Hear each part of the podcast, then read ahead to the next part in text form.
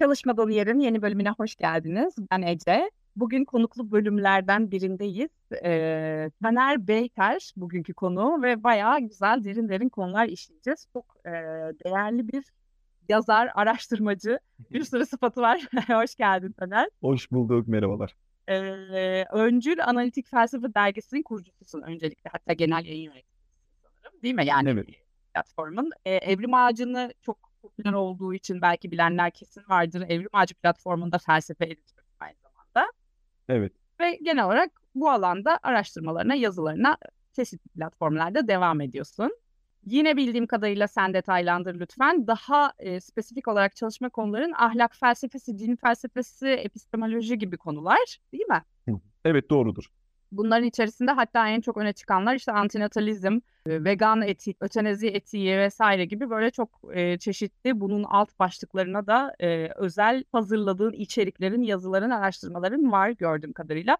Hatta öncü analitik felsefenin e, YouTube kanalı var doğru değil mi? Evet evet bir YouTube kanalımız var. Evet, YouTube kanalında da çok güzel içerikler var. Oraya da gidip bakabilirsiniz istediğiniz konularla ilgili. E, bayağı özellikle mesela acının felsefesiyle ilgili birkaç e, seri var yanlış hatırlamıyorsam. Senin başka ekleyeceğin bir şey var mı? Ben şunları yaparım, bunları yaparım gibi. Daha böyle. Ee, ben öğretmenim. 9 yıldır öğretmenlik yapıyorum. Ee, aynı zamanda demin senin de söz ettiğin gibi e, Evrim Ağacı'nda, Areta Portal'da ve Öncül Analitik Felsefe Dergisi'nde hem editörlük, yazarlık, e, genel yayın yönetmenliği gibi işler yapıyorum. Genelde eğitim ve felsefeye temas eden noktalarda içerik üreticiliği yapıyorum ya da yazarlık yapıyorum diyebilirim. Süper, harika. Bugün biz de tam da senin uzmanı olduğun konulardan birazcık bahsedeceğiz. Aslında bu erdem ve yani ahlak e, felsefesiyle başlayıp biraz böyle e, uzanabildiğimiz kadar da erdem etiğine doğru uzanacağız. Tabii ki derin konular olacak. E, erdem etiği biraz yoga araştırmasında da yani yoganın felsefesinde de hem Budizm'den hem Stoacılıktan beslenen yoga felsefesinde de çok ilgilenilen e, konular e, ne bir insanı erdemli yapan nedir, bilge kişi nasıl erdemli olur falan gibi böyle çok zor zor sorular çıkıyor bizim karşımıza yoga felsefesinde. Bunu birazcık Batı felsefesinin gözüyle nereden başlayıp nereye doğru yönlendirebiliriz onları e, konuşmak istedim bu bölümde bir uzman kişiyle. E, ahlak felsefesine şöyle küçük bir girizgah yapacak olursak yani ahlak eylemlerimizin o ahlaki statüsünü belirleyen yüzlerce dinamiği nasıl e, analiz ediyoruz, neler üzerinde daha yoğunlaşıyoruz? Evet, ahlak felsefesi öncelikle felsefenin en temel alanlarından biri. Metafizik ve epistemolojiyle e, beraber. Ahlakın nasıl tanımlanacağı zor bir konu. E, çok farklı ahlak filozofları ahlakın nasıl tanımlanacağı konusunda e, farklı kuramlar geliştirmiş e, durumdalar ve bunun bir alt çalışma alanı olarak metaetikte de çalışıldığını biliyoruz. Yani ahlaki kavramların, ahlaki yargıların ya da ahlaki ifadelerin kökenine dair Hı hı. e, neler söyleyebiliriz diyerek bir metaetik alanı inşa edildi.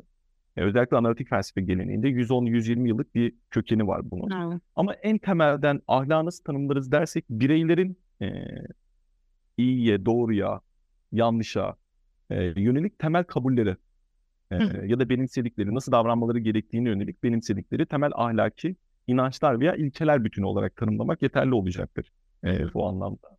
Ahlak felsefesinde genelde üç tane alan var. E, biri demin sözünü ettiğim metaetik yani ahlaki kavram ve ifadelerin ve yargıların kökeni. Bir diğeri normatif etik, nasıl davranmalıyız sorusuna cevap veren ahlaki e, teoriler, işte Kantçılık, sonuçsalcılık, erdem etiği gibi. Bir diğeri de uygulamalı etik. Benim de çok dikkatimi çeken bir Hı alan. hı. İşte ötenazi etiği, kürtaj etiği, savaş etiği, e, çok geniş bir alan. Genelde Gündelik yaşamda bunu nasıl uyguluyoruz kısmı yani. Evet evet. En pratik yanı aslında uygulamalı etik. Görece yakın zamanda en ön plana çıkan alan da bu. Günümüz ahlak felsefecileri arasında. Spesifik uzmanlaşma alanları çerçevesinde e, güncel problemleri elimizdeki ahlaki yöntemler, ahlak felsefesine dair yöntemler veya teorilerle çözmeye çalışıyorlar. E, ki ben de özellikle uygulamalı etikle ilgileniyorum açıkçası. Çok güzel. Peki yani şimdi ahlak deyince benim aklıma hemen şu geliyor. Ee, çok meşhur bir birçok bölümde de bahsediyorum. Protagoras'ın çok meşhur bir sözü vardır ya her şeyin ölçüsü insandır diye. Ve ahlak o kadar eğilip bükülebilecek aslında insana ölçeklendirilebilecek bir kavram ki bu sanırım normatif başlığın altına giriyor. Yanılıyorsam düzelt lütfen.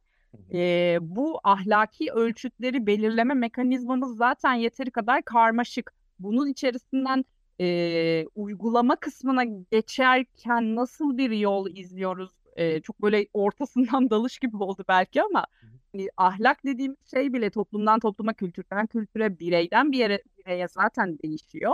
E, bunu kendi içerisinde nasıl sınıflandırıp nasıl daha belli bir düzene, bir structure'a oturtabiliyoruz? Buna yönelik e, uygulamalı etikçilerin e, belirledikleri belirli türden yöntemler var. E, bu yöntemlerden ilki analojiye dayalı yöntem.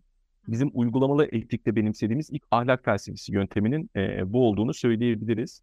Analojiye dayalı yöntem isminden de anlaşıldığı gibi e, elimizdeki mevcut ahlaki problemi o ahlaki probleme benzeyen bir senaryoyla analoji yaparız. Yani benzetiriz. Hı hı. E, bunun en güzel örneğini de Jarvis Thompson vermişti. İlk kullananlardan biri de bu anlamda o aslında. E, kürtaj etiği problemini yani bir kadının kendi bedeni kendi bedenindeki fetüsü, canlıyı öldürüp öldürmeme hakkı var mı? Yaşamını sonlandırıp sonlandırmama hakkı var mı tartışmasında hı hı. bir kürtaj savunusu adlı bir metin yazmıştı kendisi. Ve orada da analojiye dayalı argümanı, yöntemi kullanmıştı. Yaptığı şey çok basitçe şu. Kürtaj örneğini ki kemancı örneği diye geçer bu. Hı hı. E, kürtaj örneğini e, mevcut bir senaryoyla, kendi tasarladığı bir düşünce deneyiyle e, kıyaslıyor. Hı hı. İşte bir e, çok ünlü, dünyaca ünlü bir keman virtüözünün kaçırıldığını, daha sonra da gözlerini açtığında vücuduna başka birinin bağlı olduğunu fark ettiğini düşünelim diyor. Hı hı. E, eğer 9 ay dayanırsa e, aynı yatakta kendisine bağlı olan bu insanla beraber yaşamaya, bu dünyaca ünlü e, kişinin hayatının kurtulacağını ve kendisine hiçbir şey e, kaybetmeyeceğini e, söylüyor doktor kendisine. Bu durumda işte oradan kalkma hakkı var mı yok mu? Bu 9 aylık süre içerisinde. Bu mevcut senaryoyu, düşünce deneyini kürtaja uyarlayarak eğer burada ahlaken doğru olduğunu söylediğiniz bir pozisyon varsa kürtajda da bunu söylemeniz gerekir e, diyor kendisi. Yani mevcut senaryolarda benimsediğimiz ahlaki pozisyonları güncelik hayatta da o zaman e, benimsememiz gerekir. Orada doğru dediğine burada da doğru demen gerekir. Hı hı. E, gibi bir yöntem bu analojiye dayalı yöntem. Ve en sık kullanılan yöntem açıkçası bu. Evet yani zihinsel olarak hangi noktada duruyorsan bir e, mevcut varsayıma karşı düş eylemlerinin de aynı noktada durması bekleniyor o zaman. Evet, düşünce deneylerinde evet bunu yaparım ya da bunu yapmam dediğin şeyleri gündelik hayatta da aynı şekilde evet bunu yapmam, bunu yaparım şeklinde tutarlı bir cevap vermen e, beklenir ki uygulamalı etikte bu çok yaygın bir yöntemdir. E, ötenize ettiğinde de benzer yöntemler kullanılır. James Rachelson verdiği örnektir. E, banyo küvetinde boyulan, boğulan kız örneği vardı Rachelson. Orada verdiği yanıt da şu. İşte eğer ki 6 yaşındaki küçük e, yeğenini öldürürse onun mirasına konacak olan bir kişinin e, bu kız çocuğunu öldürmek için banyoya girdiğini ama banyoda kız çocuğunun şans eseri zaten duş alırken boğulduğunu gördüğünü varsayalım diyor. Eğer hiçbir müdahale etmezse kız çocuğu kendi kendine boğulacak ve mirası konacak. Hiçbir şey yapmaması ahlaken yanlış mı? Peki neden böyle bir örnek sunuyor kendisi? Çünkü ötenazide e, belli ayrımlar vardı. Doğrudan aktif ötenazi dediğimiz durumda e, bireyin dışarıdan öldürüldüğünü biliriz. Pasif ötenazide ölmeye bırakılır birey. Yani doktorlar tıbbi yardımı keser. E, acı verici ilaçlar dışında, acı kesici ilaçlar dışında hiçbir şey kullanmaz ve ölmeye bırakır. E, Rachelson buradaki argümanı eğer ki aktif ve pasif ötenazi arasında bir ayrım olduğunu düşünüyorsanız ya da olmadığını düşünüyorsanız küvette boğulan bir kız çocuğunu kurtarmakla onu kurtarmayıp izlemek arasında da bir fark olduğunu düşünüyor musunuz? şeklinde bir sorudur. Hmm. Bunlar uygulamalı etkicilerin en çok kullandığı yöntemler, örnekler. Peki. Benim aklıma şey geldi bu böyle çok e, popüler popülerize edilmiş bir örnek gerçi ama bebek itleri öldürür müydün diye bir Aynen. şey vardır ya. E, evet. bir konu vardır. Mesela orada ben hep e, ilk duyduğum andan beri hep şey noktasındayım. Şimdi önümde bir bebek var. E, doğal olarak masum olduğunu baz alıyorum. E tabii ki şimdi bu çok sürreal bir örnek, sürreal bir senaryo ama e, bir varsayıma göre de büyüdüğünde e, kitlelerce bir katliama sebep olacağı biliniyor diyelim. Bunu değiştiremiyoruz bu senaryoda. Bu durumda ben mesela şeyi seçen taraftaydım hep. E, ben öldürmezdim çünkü en başta benim öldürmek dediğimiz şey zaten kendi ahlaki duruşuma, etik değerlerime karşı olduğu için ben öldürmemeyi seçiyorum ama bu durumda ben sonuçsalcılıktan farklı bir yere mi varmış oluyorum, daha doğrusu yönelmiş oluyorum. Bunu nasıl analiz ediyorsun? Yani sonuçsalcı az önce de bahsettim ya bir kısım sonuçsalcı bir kısım e, diğeri neydi eylem. Yani bu şekilde mi ayırıyoruz? E, hangi noktada durduğumuzu kendimizle ilgili. En temelde felsefeciler şunu söylerler ki ben de bunu benimsiyorum. Eylemlerimizin ahlaki statüsünü yani gerçekleştirdiğimiz şeylerin, eylemlerin, davranışların ahlaken doğru olup olmadığına yönelik elimizde e, çok temel iki tane seçenek var. eylemlerimizin ahlaki doğruluğunu ya eylemlerimizin sonuçlarından doğan şeylere göre değerlendireceğiz ya da e, eylemlerimizin belli ahlaki ilke ve yasaları ihlal edip etmediğine göre değerlendireceğiz. E, demin verdiğiniz örnek çerçevesinde düşünürsek şöyle bir cevap verirsem ben bu bebeği kesinlikle öldürürüm. Çünkü bu bebeği öldürmemin gerekçesi, ahlaki gerekçesi 5 milyon e, kişinin hayatının kurtulmasıdır. Ya da gaz odalarında Yahudi bebeklerin öldürülmesini engellemektir. Bu eylemin bu türden olumlu ve istenildik sonuçlara sebep olur. Derseniz o zaman eylemlerinizin sonuçlarını ahlaki sonuçlarını sonuçları üzerinden değerlendiriyorsunuz ve bir tür konsekualizm yani sonuçsalcılığı benimsemiş olursunuz. Ama diğer yandan şu cevap da verilebilir ki sanırım sizin cevabınız biraz buna yakın. Hayır, önemli olan şey ilk etapta sonuçlar değil, eylemlerimizin belirli türden ahlaki ilkeleri ihlal edip etmediğidir. Ve ben öldürmeyeceksini bir ahlaki ilke olarak kabul ettiğim için o çocuğu hiçbir zaman öldürmem. Ee, önemli olan ahlaki ilkelerdir. Derseniz bu bir tür deontolojiye, yani bir tür ödev etiği gibi bir şeye daha yakın olacaktır. En temel ayrım aslında burada doğar. Ee, yani sonuçlar mı, ilkeler mi? Sonuçlarımı takip edeceğiz, ilkeleri ihlal edip etmediğini mi denetleyeceğiz? Tabii erdem etiği bunun biraz daha dışında Erdem etiğinin çünkü burada tam olarak nereye oturtulacağı biraz zor. Son dönemlerde erdem sonuççuluğu dediğimiz bir yaklaşım doğdu. Erdem sonuççuları tam ortada durmaya çalışıyorlar. Yani hem belirli, belirli türden erdemleri geliştirmek ve o erdemleri takip etmek anlamında bir tür deontoloji hı hı. hem de e, bu erdemlerin sonuçlarını gözetmek anlamında da bir tür sonuçsalcılığa e, yakın duruyorlar. Abi belki de bu türden bir orta pozisyonu benimsemek en doğrusudur. Ben de bazen düşünmüyor değilim. Peki e, kişisel merakımdan yine şu anda detaylandırmak istedim. Bu e, işte sonuçlar mı önemli, ilkeler mi noktasında ilkeler ilkeleri gözetiyor olan taraftaysak diyelim daha işin en başında yanıtlama noktasında orada da şöyle bir ayrım var mı? E, çünkü bunu gündelik hayatta aslında e, toplumsal örüntülerde çok fazla karşılaşıyoruz. Bir benim kendi kişisel, bireysel olarak e, vicdani ilkelerim vardır belli ki ahlaki değerlerimi inşa etmeme neden olmuş olan. Bir de yetiştiğim kültürün ve toplumun değerleri vardır. Yani bir toplumda öldürmek normalken diğerinde öldürmek normal değildir ya. Hani bu e, normların değişmesi. Buna e, yine ilkelerin o eğilip bükülebilme hali, o değerlerin farklı farklı normlarla e, ortaya konulabiliyor olma halinin içerisinden nasıl çıkacağız? Yani şöyle örnek verebilirim. Winnicott'ın bir tanımıydı yanılmıyorsam. Bir çocuğu yetiştirirken eğer ona ceza ve ödül gibi e, çok spesifik belli sonuçlar üzerinden ahlak öğretmeye çalışırsanız, ahlaki değerleri öğretmeye çalışırsanız o çocuk ahlaksızlık olarak tırnak içerisinde gördüğü şeyi yapmaya daha meyilli olacaktır. Bunu mesela şu an siyasi ortamda nasıl görüyoruz? İşte, e, belli bir kesimin belli bir e, özellikle bir parça şöyle askeri ve otoriter bir kendini Kemalist olarak ilan etmiş olan belli bir yönetim boyunca mağduriyet yaşaması, bir şeylerin çok fazla baskılanması, yasaklanması ve ondan sonra o mağduriyetten inşa edilmiş daha fazla ona tutulma hali gibi. Hani böyle çekirdek ailede de bunun gibi şeyler var. Yani neyi e, yapmasını yasaklarsan onu yapmaya meyil, ilke olarak neyi koyarsan önüne dıştan dayatılır. Vicdani içelikten Aynı şekilde aileden topluma kadar bu böyle ilerliyor gibi e, düşünüyorum. Nedir bu konudaki daha e, teorize durum? E, bu son yıllarda çok tartışılan bir konu. Özellikle nöroetik, nöroetik dediğimiz yeni bir alan var. E, yani insanların ahlaki kabullerinin e, nörolojisi dediğimiz bir alan var. Hı hı. Çok da ilginç bir alan. Green ve arkadaşlarının yaptığı bazı deneyler var ki bu deneyler çok tartışmalı deneyler. Çocuklar deyince doğrudan aklıma bu geldi. Hı. E, çocukların ilk başta e, onlara belirli türden şeylerin yapılıp yapılmaması emredildiğinde yani ahlaki bir ikileme tabi tutulduklarında ve içinde bulundukları durumun ahlaki bir problem olduğunu da onlara olabildiğince sinyallediğimiz bir durumda ilk başta çocuklar konsekolesi yani sonuççu davranıyorlar gibi görünüyor. Ki Green ve arkadaşları bu sonuçsalcılığın beynin hangi bölgesiyle ilişkili olduğunu bile bulduklarını iddia ettiler. İşte beynin genellikle bu bölgesi daha çok uyarılan çocuklar genellikle daha sonuçsalcıdır gibi e, çıkarımları bile gittiler. Evet bayağı ilginç. Ahlaki ilkeleri indirgemeci bir şekilde e, belli türden nöral temelleri oturtmak epey sıra dışı bir iddia bence. Ama ilerleyen yaşlarda sizin de sözünü ettiğiniz gibi toplum, kültür, bireysel deneyimler, eğitim, aile, çevre bu türden çevresel koşullar insanları biraz daha deontolojiye yaklaştırıyor olabilir.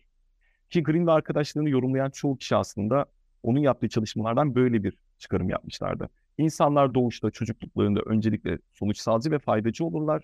Ama ilerleyen zamanlarda sosyal organizma olmanın da e, gereklerini iyice öğrendikten ve sosyal organizma olmanın unsurlarıyla temas ettikten sonra bir tür deontolojiye yaklaşabilirler şeklinde bir çıkarım Hı. yapmışlardı. Tabii bu çok büyük bir tartışma. Ama en temelde şunu söylemek lazım. Evet yani bu felsefe tarihinde de çok tartışılan bir şeydir. Çok sıra dışı örnekler de verilir. Ee, bir toplumda işte örnek veriyorum işte atalarının ya da işte babalarının etini yemek normalken başka bir toplumda ama bu çok büyük bir tabu haline gelebilir. Ki felsefe tarihçileri de bu örneği sık sık verir. Persler ve Yunanlar arasında e, belli hikayeleri anlatarak. Sanırım şunu söylemek doğru olacaktır. Evet yani içinde yaşadığımız toplumda hukuku bir tarafa bırakarak söylüyoruz. Çünkü ahlakla hukuk arasında büyük bir fark olabilir ama içinde yaşadığımız toplumda örneğin sokakta çıplak gezmemek gerekir e, gibi bir şey söylediğimizde ya da e, yolda yürürken yardıma ihtiyacı olan bir insanı gördüğümüzde ona yardım etmeliyiz gibi belirli türden ahlaki sezgilerle tanıştığımızda e, bunlar kültürel görecelilikle yorumlanabilir şeyler olabilir. Şunu söylemeye çalışıyorum yani kültürden kültüre değişen bir tarafı kesinlikle var. Ahlaki yargıların ve sezgilerin. Burada benim önemsediğim kişi Kant. Çünkü Kant'ın büyüklüğü de buradan geliyormuş gibi geliyor bana. Hı hı. Ahlaki ilkelerin hem kişiden kişiye değişebilirliği, yani ahlaki subjektivizme, hem de ahlaki ilkelerin toplumdan topluma değişebilirliği, yani kültürel subjektivizme karşı çok büyük bir çıkış yaptı Kant felsefe tarihinde. Ve ahlaken doğru olan bir eylemin nasıl olması gerektiğine yönelik de belirli türden iddialarda bulundu kendisi. Bunlar Kantçı deontoloji olarak e, geçen bir literatüre yaslanıyor. Kantçı deontoloji çok basitçe e, bazı temel ilkelere dayanıyor. Eğer bu temel ilkelere dayanırsanız ahlaki ilkelerin ne kişiden kişiye değiştiğini ne de toplumdan topluma değiştiğini söyleyemezsiniz. Ahlak evrensel. E, tüm insanların hangi kültürden ve yaştan olursa olsun uyması gereken ya da cinsiyetten olursa olsun böyle objektif nesnel bir yasaya dönüşür. Kant'ın aşmaya çalıştığı bu subjektivizm. Ne diyordu Kant? Hızlıca hatırlarsak. E, birincisi araç amaç formülasyonu. Araç amaç formülasyonu çok basitçe şu. İnsanlara öyle bir davranasın ki insanları araçsallaştırmayıp onları kendinde amaçlayasın diyor Kant. Yani amacımız her zaman insan olmalı. Bir hedefe ulaşmak için insanı bir basamak gibi kullanmamalıyız. Ahlaki eylemler içerisinde insanı amaçlar. Bu birinci tarafı. İkinci tarafı evrenselleştirilebilirlik. Ahlaki ilkeler evrenselleştirilebilir olmalı. Örneğin yalan söylemek. Kant'a göre yalan söylemek evrenselleştirilebilir değil. Çünkü herkes yalan söylerse yalan söylemek anlamsızlaşır. Kendi içine çöken bir durumdur, bir ilkedir. Veya hırsızlık yapmak. Herkes hırsızlık yaparsa e, çalacak mal kalmaz, özel mülkiyet kalmaz. Hırsızlık mefhumu kendi kendini yok eder. Ya da öldürmek. Herkes birbirini öldürürse o zaman ölecek, öldürecek kimse kalmaz. Yani kendi kendi üzerine çöken, evrenselleştirilemeyen ilkeleri bir kenara bırakmamız gerekir der Kant. O zaman doğru söylemek kendi kendine çöken bir şey değildir. Evrenselleştirilebilir. Herkes doğru söylerse e, problem çıkmayabilir diyor Kant. Bu ikinci tarafı. Üçüncü tarafı da tabii ki bu ahlaki ilkelerin, bu ahlaki yasaların benim özel irademe yaslanmam gere yaslanması gerektiği. Yani biri beni zorlayarak bunları itmemeli. Örneğin demin sözünü ettiğim iki ahlaki e, yasa yani araç amaç formülasyonu ve e, demin sözünü ettiğim şekliyle e, evrenselleştirilebilir. Evrensel, evet. Hı-hı. Teşekkürler. Evrenselleştirilebilirlik ancak ve ancak hiçbir zorlama olmaksızın benim rasyonel doğama yaslanırsa bu üçüncüsü zaten tamamlayıcı tarafıdır Kant. Kendi e, özgür irademle kimsenin zorlaması olmaksızın benimsediğim ahlaki ilkelerse o zaman biz bir tür evrensel ahlaki yasa inşa edebiliriz.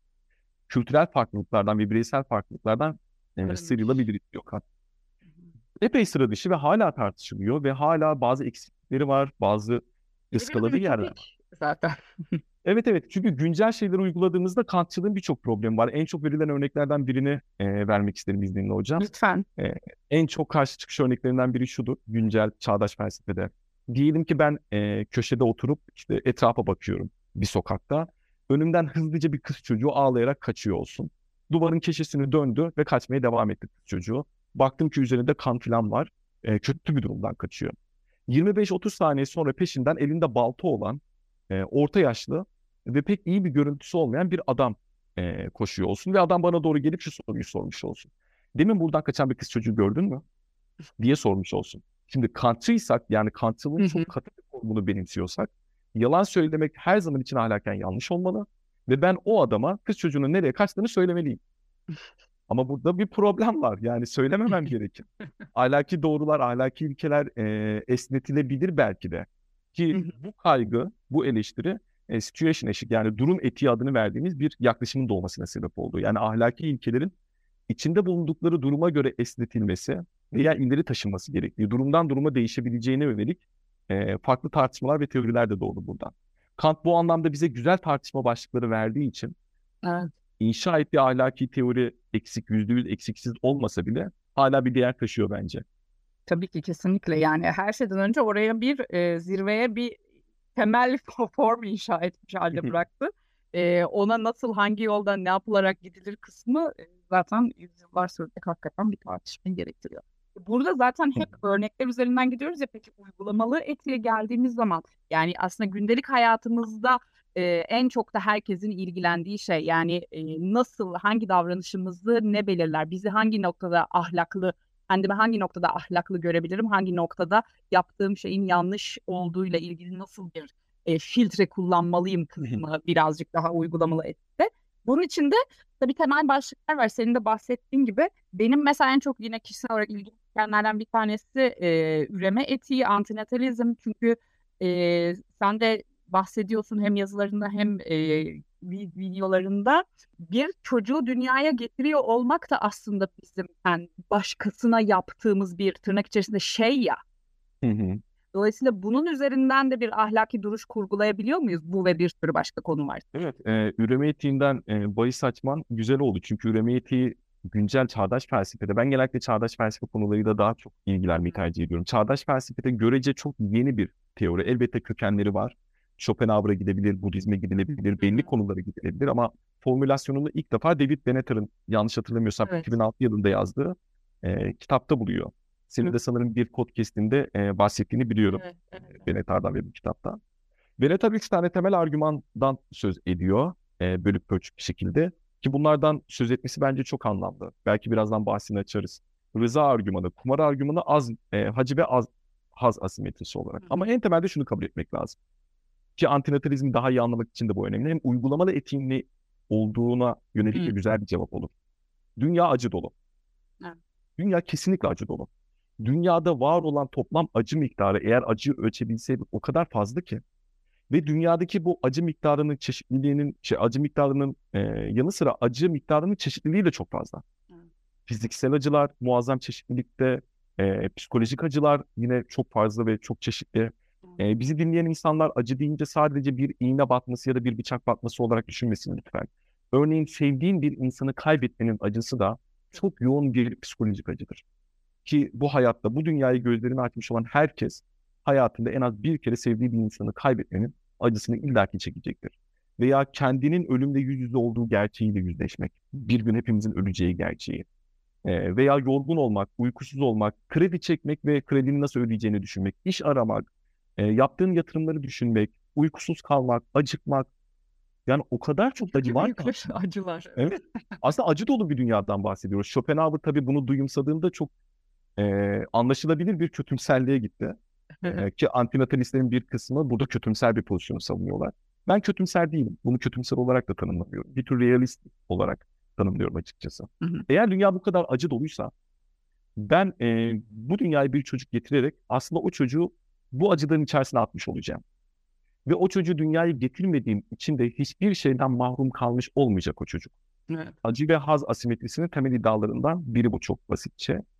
Ee, bir diğeri de tabii rıza argümanı yani biz böylesi bir dünyaya çocuk getirirken yine bu argümanla ilişkili olarak o çocuğun rızasını almıyoruz ve insanlara rızasını almadan Bir şey yapmak. yanlıştır. Zaten Yani default olarak o rıza değil mi her Evet şey? evet. Yani. Ahlaki ilkelerde çok temel bir şeydir. Rıza ve e, özellik yani irade göstermek çok temel bir şeydir. Özellikle öteniz tartışmalarında da öyle.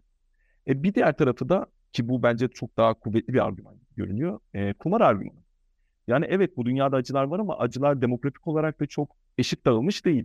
Yani dünyanın belli bölgelerinde daha çok acı var. Savaşlardan, AIDS hastalığından ve belirli türden olaylardan ya da fakirlikten, yoksulluktan dolayı. Ama görece iyi durumda olan insanlar ya da toplumlar da var.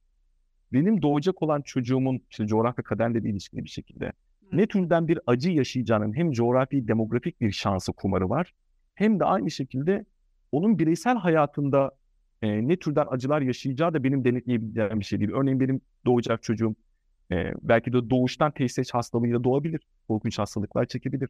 Veya 10 yaşında balkondan düşebilir. 20 yaşında trafik kazasında e, korkunç bir şekilde yara almış olabilir. Yani onun bireysel hayatında da korkunç e, durumlar yaşanabilir. Bu bir kumar ve böyle bir kumarı neden oynayalım diyor arkadaşlar. Böyle bir kumarı oynamaya yönelik elimizde ne gibi güçlü bir gerekçe olabilir ki diye soruyorlar.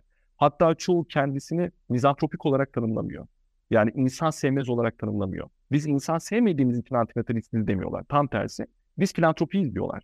İnsan severiz. Biz insanları sevdiğimiz için onların dünyaya getirilmemesi gerektiğini e, iddia ederiz diyorlar. Antinatalist bana hala büyük oranda e, güçlü bir yaklaşımmış gibi geliyor. Her ne kadar kendimi antinatalist olarak henüz tanımlamasam da antinatalizme ılımlı olduğumu e, söyleyebilirim bu anlamda. Kesinlikle. Ee, yani epey onun zaten kendi içerisindeki argümanları bile insanı e, hakikaten doğru bildiği diyeceğim. O zamana kadar normalize edilmiş daha doğrusu doğru bildiği demeyeyim de normalize edilmiş şeylerden yavaş yavaş uzaklaştırıyor. Ee, ben de okuduğumda hakikaten epeyce bir ufkum açılmıştı. Birazcık da böyle sığınak gibi de hissettim. Yani düşündüğüm şeylerin o şekilde teorize edilmiş olmasını. Peki e, antinatalizmle ilgili ek olarak söylemek istediğim başka bir şeyler daha var mı bize? Antinatalizm ilk başta çok e, tehlikeli veya sezgilerimize tersmiş gibi görünebilir. Çünkü çoğu antinatalist ideal dünya nüfusunun sıfır olması gerektiğini iddia ediyor ve bazıları e, soyumuzun kurulması gerektiğini de iddia ediyor. Ama bence e, sezgilerimizle ilk başta uyuşup uyuşmadığı o kadar mühim değil. Üzerinde tartışmaya kesinlikle e, değer bir konu. Bu dünyadaki toplam acı miktarını arttırıp arttırmadığı bir eylemimizin bence ahlaken tartışmaya değer ki buradaki eylemde doğum yapmak. Yani bu dünyaya bir çocuk getirip getirmemek. Bu anlamda tüm eylemler, çoğu eylemler gibi en azından tüm demesek de çoğu eylemlerimiz gibi, gibi e, doğum eyleminin kendisi de ahlaken tartışılmalı derdim. Bir de burada o zaman aklıma şu da geldi mesela aile e, felsefesi diye ayrı bir kavram da vardır ya hani bu bir çocuk sahibi olurken e, o zaman senin yetkinliğinle ilgili de bir belki hep eskiden çok böyle faşizan bir görüş gibi görünürdü ama şimdi antinatalizmle birlikte birazcık daha yumuşadı galiba o işte bir ehliyete sahip olma hali. Evet, evet. Yandan da burada benim kafamda bununla ilgili böyle başlıklar açılmaya başlıyor. Ee, üreme etiği ve çocuk yapmak konusu devreye girince. Çünkü e, bu konuda Nihan Kaya'nın ya bu konuda değil Nihan Kaya iyi aile yoktur diye çocukluk travmalarıyla ilgili bir kitap yazmıştı ama sonrasında çokça psikoloji dünyasında şöyle tartışmalar görür oldum. Ee, işte anne babalar hep mi suçlu? İşte hiçbir çocuğun hani o anlamda çocuğun çünkü doğuştan masumiyetine inandığı için e, o felsefe, o görüşün, o psikoloji akımının temsilcileri e, çocuğun herhangi bir şekilde hiçbir yanlış davranışından sorumlu tutulamayacağı zaten doğurmakla sen ilk önce o sorumluluğu onun üzerinden aldığın e, gibi bir konudan bahsediyordu. Burada aklıma bir yandan da bu geldi. Buradaki felsefi duruş ne yöne doğru evriliyor ya da nasıl çatallanıyor? E, kimileri bu konu başlığı üzerinden şartlı antinatalizm adını verdiğimiz bir tartışmayı açıyorlar. Yani belirli şartlar altında belki de çocuk, çocuk yapmak e, doğru olabilir diyenler var. E, burada kastedilen şey de tabii ki ailenin o çocuğa olabildiğince yüksek bir refah seviyesi sunması. Örneğin çok zengin bir ailenin çocuğu olmak ile çok alt gelir grubundaki bir ailenin çocuğu olmak arasında belirgin bir fark olacaktır muhtemelen e, hayatta erişebilir. E, şimdi kimileri Aa, hayır belki de e, çok zengin ve refah seviyesi yüksek bir ülkenin, refah seviyesi yüksek bir şehrinin, refah seviyesi yüksek bir ailesinde bir çocuk dünyaya getirmek belki de o kadar kötü bir fikir değildir diyenler var. Tabii buna yönelik de çok ciddi karşı eleştiriler var. Bana göre de bir miktar güçlü karşı eleştiriler. Ama sizin bahsini açtığınız konu başlığı hem bununla hem de büyük oranda e, ebeveynleri lisanslamalı mıyız sorusuyla ilişkili. Evet. Burada kastedilen şey şu. Örneğin ben geçen sene e, evime kombi taktıracaktım ve evime kombi taktırmam için evimin e, ölçüsü alındı, işte pencereye bakıldı, havalandırmasına bakıldı ve lisans aldım. ve aldığım lisans sayesinde doğalgazı kombiyi taktırabildim. Ben evime kombi Can. ben evime kombi taktırırken bile bir uzman gelip durumu denetlerken bir dünyaya çocuk getirip getirmeme konusunda kimse niye aileleri ya da ebeveynleri denetlemiyor gibi çok ciddi ve yine e, çok zor bir konu başlığı duruyor. Evet. Sanırım şunu söylemek doğru olacaktır. Yani bazı çocuklar e, içinde doğdukları aileden ötürü e, korkunç hayatlar yaşıyorlar. E, bebeklik dönemlerinde e, cinsel e, veya cinsel istismar veya şiddete maruz kalabiliyorlar veya yetersiz beslenebiliyorlar. Hayatları boyunca beraber taşıyacakları travmalarla e, dünyada yaşamaya devam ediyorlar. Ebeveynleri lisanslamalı mıyız? E, tartışmaya değer bir konu. Aile felsefesinin en temel tartışma başlıklarından biri. E, bir diğeri de yine aile felsefesinden bahis açmak gerekirse çocukların ve ebeveynlerin birbirlerine karşı ne türden sorumlulukları var sorusu olurdu sanırım. E, kimi libertanyalar tabii bütün libertanyalar değil ama e, birkaç libertanyenin şunu iddia ettiği sık sık e, söylenir. Örneğin bir anne veya baba çocuğunu satabilmelidir. E, çünkü çocuğuna yatırım yapar. Yine bu da çok ahlaki sezgilerimizde uyuşmayan. 500 sene geri gitmiş mi köleliğe gitmiş.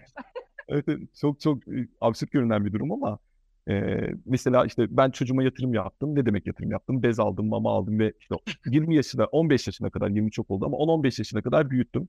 E, bu yatırımın karşılığı olarak onu neden zengin bir aileye, çocuğu olmayan zengin bir aileye satmayayım e, denilebilir. Tabii bunu savunduğum için söylemiyorum ama aile felsefesindeki iki temel tartışmalardan biri de bu. Eğer bizi dinleyen e, dinleyicilerimiz e, böyle üzerine düşünecek, beyin fırtınası yapacak, belli konu başlıkları isterlerse şu ana kadar onlara birçok e, problem başlığı verdik gibi görünüyor. evet öyle hangi noktada nerede duracaklarıyla ilgili herkesin kafası karışmış. Buradan e, yavaş yavaş şeye geçelim istersen bu erdem e, etiği konusunda. Bu da çünkü çok ilginç ve derin kendi içerisinde böyle karmaşık e, çaprazlana çaprazlana giden bir konu. E, ama buradaki galiba yanlışsam düzelt lütfen tekrar. En temel sorunsal şu ki e, bilgiye e, bilgiyi araçsallaştırarak mı erdemli olunur yoksa erdemi araçsallaştırarak mı bilgili olunur gibi bir tartışma var değil mi? Evet evet. Bu şu an e, bana sorarsanız çağdaş epistemolojide de en çok e, üzerine tartışılan konulardan biri erdem epistemolojisi. Hı hı. E, ki çok değerli bir konu başlığı. Benim de büyük oranda benimsediğim bir teori erdem epistemolojisi. E, erdem epistemolojisi nedir diye e, soracak olursa eğer dinleyicilerimiz. E, Aristoteles'ten beri belli bir şekilde inşasını gördüğümüz bir normatif etik teori olarak erdem etiğini e, epistemolojinin belli konu başlıklarıyla birleştiriyoruz. Ki bu aslında e, Ernst Sosa hala hayattadır kendisi. E, Amerikan Felsefe Derneği'nin başında bir analitik felsefecidir. Ve e, Linda Zabzeski, geçen hafta Türkiye'de bir online e, sunuma katıldı kendisi. İkisinin kurucusu olduğu bir yaklaşım. Birbirlerinden haberdarlar ama farklı şekillerde kurdukları bir yaklaşım erdem epistemolojisi. En temelde erdem etiğinin ne dediğini hızlıca bir bakıp bu konudan bahis açabilir miyiz Linda Hocam?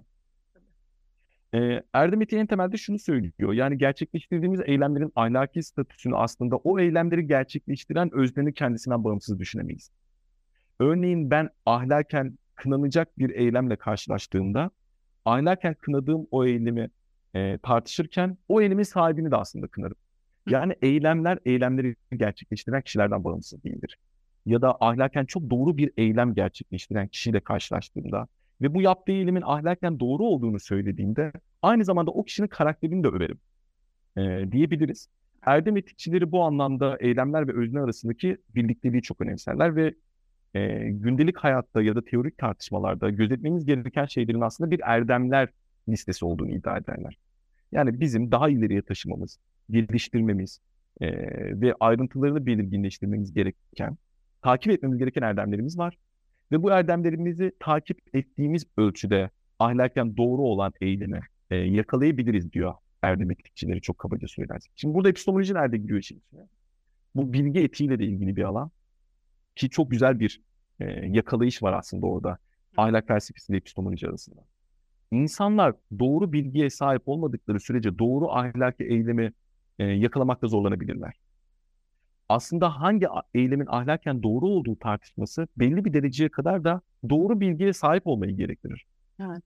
Örneğin ben şu an yoksullukla mücadele etmek için belirli türden ahlaki eylemlerin peşindeysem, öncelikle yoksulların içinde bulundukları duruma yönelik bilgiye erişmem gerekir. Kaç tane yoksul var, neye ihtiyaçları var? E, bu çok açık görünüyor bu açıdan. Ve erdem epistemologlarının temel iddiası da şu. İnsanlar e, en temelde e, bilme dediğimiz mefhumu belirli türden bilişsel yetiler veya onların söylediği anlamda entelektüel erdemlere yaslanarak gerçekleştirebilirler. Aslında bilgi entelektüel erdemler vasıtasıyla elde edilen doğru inançtır. Ernst Sosan'ın doğrudan yaptığı tanım bu. Hı. Ben bilgiye entelektüel erdemlerimi geliştirdikçe ya da epistemik erdemlerim de denilebilir buna. Bilme erdemlerimi geliştikçe, e, geliştirdikçe e, ulaşabilirim. Ve bu geliştirdiğim epistemik erdemler ya da entelektüel erdemler de doğal olarak beni doğru eğilime ulaştıracaktır. Çünkü ahlaki önermeler ya da ahlaki doğrular doğası gereği normatiftir. Bu şu anlama geliyor. Bu çoğu ahlak felsefecisinin de üzerinde fikir olduğu bir konudur. Ben ahlaken X eylemi doğrudur dersem aynı zamanda bu X eylemini gerçekleştirmelisin derim.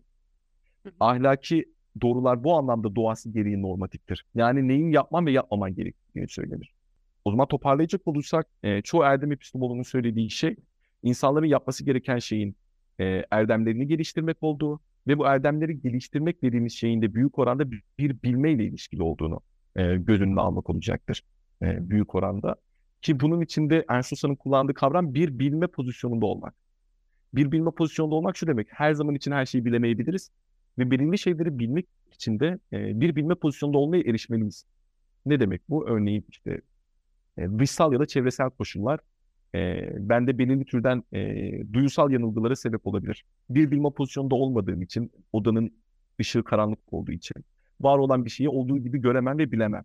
Veya e, diploma alıp kendimi çok geliştiremezsem, tıp alanında bir bilme pozisyonunda olmayabilirim e, denilebilir. Böyle bir örnek de verilebilir. Sadece çevresel duyumlara yönelik değil, duyusal algılara yönelik değil, e, içinde bulunduğumuz ve uzmanlık gerektiren teorik bilgilerde de bir bilme pozisyonunda olmamız gerekir. Erdem epistemologlarının ve ahlak felsefecilerin uzman yapması gereken şey bu epistemik ve entelektüel erdemleri nasıl geliştireceğimiz. Ne yapmalıyız o zaman? Konu ister istemez buraya geliyor. Orada da işin içine tabii ki benim de çok hoşuma giden bir durum olarak öğretmen olduğum için eğitim giriyor. Yani biz öğrencilerin entelektüel ve epistemik erdemlerini teşvik etmeliyiz. Hatta Brian Kaplan kendisi bir erdem epistemoloğu olmasa bile libertaryen bir filozof olarak e, çok ilginç iddialarda bulunuyor. Şunu söylüyor mesela büyük oranda ilkokul ve ortaokulda yaptığımız harcamaların çok büyük bir kısmı bu haliyle gereksizdir ve toplumun üzerine vergi olarak bilen bir yüktür diyor. Öğretmenlerin yaptığı şey aslında onlara, öğrencilere bilgi yüklemek değil. Ki bilginin kendisi aslında telefonda ve internette de var. Birkaç harfe basarak bilgiye erişmek mümkün. Her ne kadar internette korkunç bir bilgi kirliliği olsa da. Aslında öğretmenlerin de eğitimin yapması gereken şey öğrencilerin entelektüel erdemlerini sinyallemektir. Ki ben bunu çok önemli görüyorum kendi iyi analiz edebilme yeteneği vermek aslında. Bilgiyi kendi içerisinde belki e, sınıflandırma ve analiz etme ve sonrasında da pratiğe dökme. Doğru mu? öyle. E, kesinlikle öyle. Bilgiyi öncelikle insanlar e, ya da öğrenciler öğretmenlerden e, büyük oranda bu entelektüel erdemlerine yönelik teşvik, sinyalleme ve motivasyon görmeliler. Ve öğretmenler onlara doğrudan ışığın nerede olduğunu birebir koordinat olarak veremeseler bile en azından ışığın gidilmesi gereken yönün hangi tarafta olduğunu işaret edebilirler. Ve bunun için de örneğin internette doğru bilgiyle yanlış bilgiyi ayırabilme, kaynakları doğru bir şekilde ulaşabilme, karşılaştığımız dataları yorumlayabilme, bunların dünyaya nasıl uygulanabileceğini yönelik eldeki verilerle analoji yapabilme gibi farklı türden e, geliştirilmeye muhtaç olan epistemik erdemlerimiz olduğunu ve eğitimin içinin de aslında bu olduğunu e, söylüyor kimleri. Ki ben bu anlamda çok değerli görüyorum aslında erdemi. Kesinlikle. Şimdi eğitim deyince ben de bir tarafıyla öğretmenlik yaptığım için e, bizim de hep e, yoga felsefesini vurgulayarak, yoga felsefesinde bu çok değerli. E, söylediğimiz bir şey var. En iyi öğretmen sana baktığın yerde ne göreceğini göstermez. Onu sen kendin içsel değerlerinle harmanlayıp bulacaksın. Sana az önce de söyledim benzer bir şeyi. Sana ne tarafa doğru bakman gerektiğini söyler, işaret eder ama orada göreceğin şeyi sen kendin belirlersin ve aslında eğitim e, doğrudan göreceği şeyi belirlemek haline geldiğinde, bunu dikte etmek haline geldiğinde zaten kendi içerisinde bir e, toplumsal mühendislik aracına dönüşmüş oluyor.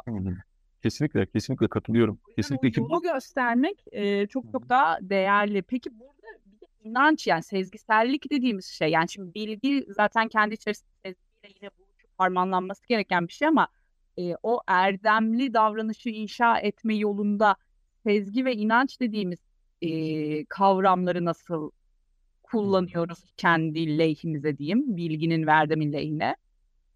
Güzel bir soru. Öncelikle şeyden bahis açmak anlamlı olacaktır. Genellikle inanç dediğimizde e, dinleyicilerin aklında farklı türden şeyler uyanabilir ama çağdaş felsefede inanç belief anlamında kullanılır. Yani zihinsel kabul anlamında kullanılır. Örneğin ben şu an sizinle konuştuğumuza ve bu podcast'i çektiğimize inanıyorum. derim. Yani bunu zihinsel olarak kabul ediyorum derim. Burada konuştuğumuz şey aslında iman değil, faith değil. E, çünkü bu bambaşka bir anlam. Evet. E, en temelde bilginin özünde inanç var. Yani bilginin bir şeyi bilmenin özünde belli şeyleri kabul etmek var. Örneğin bu dünyanın gerçek olduğuna inanmak. E, benim bu dünyayı bilebileceğime inanmak. E, ya da diğer insanların zihni olduğuna inanmak gibi belirli türden inanç durumları var.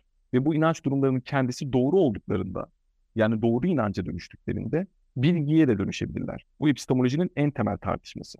Aslında bilgi e, gerekçelendirilmiş doğru inançtır e, şeklinde büyük bir literatür ve tartışma var e, literatürde. Tabii bu inançların bazıları yanlış olabilir. Yani zihinsel olarak kabul ettiğimiz şeyler yanlış olabilir. Ki var olan inançlarımızla var olan sezgilerimiz arasında da çoğu zaman paralellik kurmak isteriz. Evet. Yani benim var olan bir yanlış inancım e, var olan bazı yanlış sezgilerimle paralel ilerlerse o inancımın kendisi daha şiddetli bir hale bürünebilir. Yani Ve oradan doğru... doğru bir davranış, eylem türeyemez. Doğru mu anladım? Kesinlikle öyle. Kesinlikle türeyemez ki burada aslında var olan o inancın e, doğruluğuna yönelik bir epistemik şiddetten söz ediyorum. O kadar inanırım ki bu yanlış inancın doğru olduğuna ki yanlış inanç olduğundan bağımsız bir şekilde. İçinde bulunduğum sosyal grup tarafından da e, bu yanlış inancın sürekli sinyallendiğini görebilirim. Farklı ahlaki faillerin sürekli bunu sinyallediğini görebilirim. Ve var olan sezgim de bununla büyük oranda uyuşuyorsa artık bir konuda birçok tartışmaya kapalı e, bir noktada durabilirim. Buna yönelik benim verdiğim örnek genellikle her ne kadar navegan arkadaşlar kısa da ben et yemeği veriyorum genellikle örneği. Yani et yemek çünkü gerçek anlamıyla birçok insan için belirli mitler ve belirli yanlış inançlar çerçevesinde yorumlanıyor. Çok üzülüyorum. Örneğin et yemezsen kesinlikle sağlıksız olur. Et yemezsen kesinlikle işte ileride sağlıklı problem yaşarsın. Yani vejetaryen olursan kesinlikle şu olur gibi. Çoğu zaman üzerine çok düşünmediğimiz ve araştırmadığımız belirli türden inançlarımız ve yanlış inançlarımız ve e, diğer insanların da et yediğini gördüğümüz için sinyallenen yanlış sezgilerimiz var. Ve insanlar bu konuda var olan inanç kümelerinin birbiriyle uyumlu olmasını da istedikleri için yani birbiriyle çelişen inançlara sahip olmayı çoğu insanın arzulamadığını bildiğimiz için var olan et yemek zararlıdır yanlış inancı yanlış sezgilerimle paralel bir şekilde o kadar büyük bir epistelik şiddete dönüşüyor ki artık bu konuda kimseyle tartışmıyorum. Ve ister istemez konu benim için dalga getirecek bir hale geliyor. Ki benim için de bu örneği bilerek aslında yani vejetaryen olduğum için değil, e, bir dönem ben de böyleydim anlamında biliyorum. Yanlış inançlarım vardı. Hayır et yemezsem şey olur, bitmezsem bir şey olur, şu olmazsa bu olur gibi üzerine çok düşmediğim ve çok denetlemediğim yanlış inançlarım vardı. Ve içinde bulunduğum durum, arkadaş çevrem, ailem, herkes et yiyordu sürekli bir şekilde. Ve sürekli sinyalleniyordu bu yanlış inanç. Ve tartışmaya kapalıydı. Bir gün bir vegan hocam olmuştu. Hiç unutmuyorum. Şimdi geriye dönüp baktığımda da diyorum, Aa, evet sanırım ben ilk defa burada doğru sinyallenmişim ki doğru olduğunu inanıyorum vejetaryen için. Doğru olduğunu sinyallemişim diyorum yani. İşte vegan hocam gelmişti ve e, işte ben tartışma içerisinde bahsine. Ben veganım demiştim ve ben aa bir dakika nasıl yani diye sormuştum. Hocam e, peki hastalanmıyor musunuz diye sormuştum. O da yoğun niye hastalıyım ki deyip bana böyle tane tane gerçek anlamda bir ahlaki tutum sergileyerek, kızmadan, sabrederek cevaplar vermişti. Ve o bende farklı türden bir sinyale dönmüştü. Bir dakika, çok makul bir insan. Ve bana çok yanlış gelen bir inanca sahip olan çok makul bir insan var karşımda. Deyip inançlarımdan şüphe etmeye yavaş yavaş başlamıştım. Evet, çok değerliymiş. Peki e, bu en başta e, erdem etiğine daha hiç girmeden bir ortada e, orta yol duruşundan bahsetmiştik. Hmm. Şimdi Erdem Etiğine daha detaylı girmişken o ortada kalma hali yani ahlaki davranışlarımızı belirleyen faktörlerde her hem bireysel hem toplumsal hem sonuçsal hem ilkeler bazında hepsinin böyle bir e, karışımı aslında biraz böyle Kant'ın ütopik yaklaşımına da değiniyor gibi olacak ama bunların hepsinin belli bir mesafede durduğumuz, tam ortada durduğumuz bir çizgide bizi ne bekliyor ya da nasıl kendimizi olup olmadığımızla ilgili test edebiliyoruz. Spektrum sonuçta. Evet. Spektrumun neresinde olduğumuzla ilgili e, hangi sorular bizi kendimizi keşfetmeye yöneltir? Güzel bir soru. Belirli türden yaklaşımlar var. Daha o arada duran yaklaşımlar var. Demin sözünü ettiğim erdem sonuççuluğu gibi. Yani ahlaken doğru olan eylemin aslında belirli türden erdemleri takip etmek ve sonuçları itibariyle de olumlu sonuçlar doğuran erdemleri daha çok takip etmek şeklinde çok basitçe tanımlanabilir erdem sonuççuluğu. Ama bu türden tırnak içerisinde spektrumun daha ortasında yani uçlarında olmaktansa daha ortasında görünen yaklaşımlar da ister istemez belirli şeyleri ıskalayacaktır. Tabii. Örneğin ahlaken daha doğru görünen bir erdemin e, kötü sonuçlar doğurması durumunda o erdemden vazgeçip geçmeyeceğim sorusu karşıma çıkabilir veya birbirine kısmen denk sonuçlar üreten iki erdemden hangisini tercih edeceğim e, sorulabilir. Yani en temelde ben şöyle düşünüyorum. Aa, kusursuz bir teori yok. Yani ahlak felsefesinde hiçbir şekilde kusursuz olan bir teoriye muhtemelen e, sahip olmayacağız. Bunu en başta benimseyerek şöyle düşünüyorum. Olabildiğince doğruyu yakalayan, olabildiğince hatasız olmaya çalışan bir yaklaşımı benimsemek daha doğru olabilir ki konuyu çok dağıtmadan küçük bir atıp yapayım. Demin sözünü ettiğimiz erdem epistemolojisi de bilgiyi böyle tanımlıyor. Bilgi çoğunlukla doğru olan şeydir. Yani yanılabiliriz ama çoğunlukla doğru olanı yakalamaya çalışırız diyor erdem epistemologları. Kimi erdem sonuçsalcıları da bu tür bir cevap verebilir. Sanırım en güçlü cevap da bu olacaktır. Kesinlikle yanılmaz bir teori yok. Ee, olabildiğince doğruyu yakalamaya çalışıyoruz. Ve karşılaştığımız zorluklarda başvurabileceğimiz tek şey ne yazık ki başka bir şey yok. Ahlaki sezgilerimiz. Ha. Yine ahlaki sezgilerin kendisine döneceğiz. Yani kendi içimizde demin sizin de söz ettiğiniz gibi o içsel e, soruşturmaya ya da içsel e, memnuniyetin, makullüğün kendisine dönüp bakacağız gibi görünüyor. Bunu fark eden çoğu ahlak felsefecisinin bu yüzden ahlaki sezgilerimizin doğasını tartışmaya açtığını düşünüyorum. Evet. Çünkü o kadar garip tartışmalar içine girebiliyoruz ki bu bilgi tartışmalarında da olabilir. E, ahlak felsefesine dair tartışmalarda veya hayatın olağan akışındaki farklı türden tartışmalar da olabilir. Burada e, akran anlaşmazlığı ya da akran sürtüşmesi adı verilen bir kavram var. Ondan bahis etmek istedim. Lütfen. Çok basitçe şunu söylüyor akran anlaşmazlığı ya da epistemik e, çatışma durumu da denir buna. Birbirine bilgi kapasitesi, var olan olayları yorumlama kapasitesi, kaynaklara erişme kapasitesi gibi belirli türden epistemik kapasiteler anlamında denk olan iki tartışmacı düşünelim. Ama bu iki tartışmacının kendisi günün sonunda birbirine taban tabana zıt olan iki pozisyon savunuyor olsunlar. Bu durumda ne yapacağız? Ki hayatımızda böyle insanlar olduğunu çoğu zaman deneyimleriz. Benim de hayatımda var. Yani bilgi birikimine, entelektüel yetilerine, olayları yorumlama becerisine, akıl yürütme biçimine, e, birçok anlamda entelektüel ve epistemik erdemlerine saygı duyduğum arkadaşlarımla çok temel konularda taban tabana zıt düşünüyorum. Ve ister istemez bir dakika ne yapacağız? Çünkü tartıştığımız kaynakların kendisi ya da içine bildiğimiz tartışmaların kendisinde çok şiddetli ve bazen de çok beklenilmedik sonuçlara gidebiliyoruz. Ama birbirine entelektüel anlamda eş olan iki kişinin, entelektüel ya da epistemik olarak denk olan iki kişinin tartışmasından bahsediyorum. Tek yol ahlak sezgilere dönmek ve sezgi- sezgilerimizin kendisini tartmak olacaktır. Burada soru yine şuraya gelir ister istemez. Eğer ki böylesi kriz anlarında, zor anlamda ahlaki sezgilerin kendisini yani içimize döneceksek, içsel bir soruşturmaya gireceksek, o zaman bu ahlaki sezgilerimizi ve içsel doğamızın kendisine olabildiğince e, doğru, doğru kelimesi doğru mu emin değilim ama olabildiğince makul bir seviyede tutmam gerekir. Sezgilerimi geliştirmeliyim yani. Evet. Ama ahlaki sezgilerin gelişmesi o kadar kolay mı ondan da emin değilim. Tabii. O O da bayağı pratik zaten. Ayrı bir içsel pratik. Evet. Burada eee, şey aklıma geldi. Hem de zaten benim yine kişisel olarak merak ettiğim de bir konu. Çünkü bu erdemli davranmayı inşa ederken bu böyle bir kendine eee, yol çizdiğinde bu yola girmeye başladığında bir dış koşullar var. Şimdi e, benim ilgilendiğim e, ya da bildiğim daha doğrusu işte stoacılık gibi, Budizm gibi öğretilerde onlar biraz daha Sokrates'ten baz aldıkları için şöyle bir e, mantıkları var. Dış koşullardan bağımsız da sen zaten kendi içsel kondisyonunu e, sabit tutabiliyor olmalısın. Buna mutluluk da dahil, erdemlilik hali de dahil, işte başına bir felaket gelirse isyan etmekte, kabul içerisinde kalabilmek dahil şeklinde bir dış koşullardan bağımsızlık var. Burada e, daha çağdaş felsefede, çağdaş batı felsefesindeki duruş dış koşullarla ilişkiyi nasıl kuruyor? Ee, öncelikle demin sözünü ettiğin Sokrates bu anlamda e, birçok felsefeci için her ne kadar karşı çıkanlar olsa da bize yol açan e, filozoflardan biri. Sokrates'in büyüklüğü aslında buradan geliyor. Çünkü Sokrates e, en temelde şunu iddia etmişti.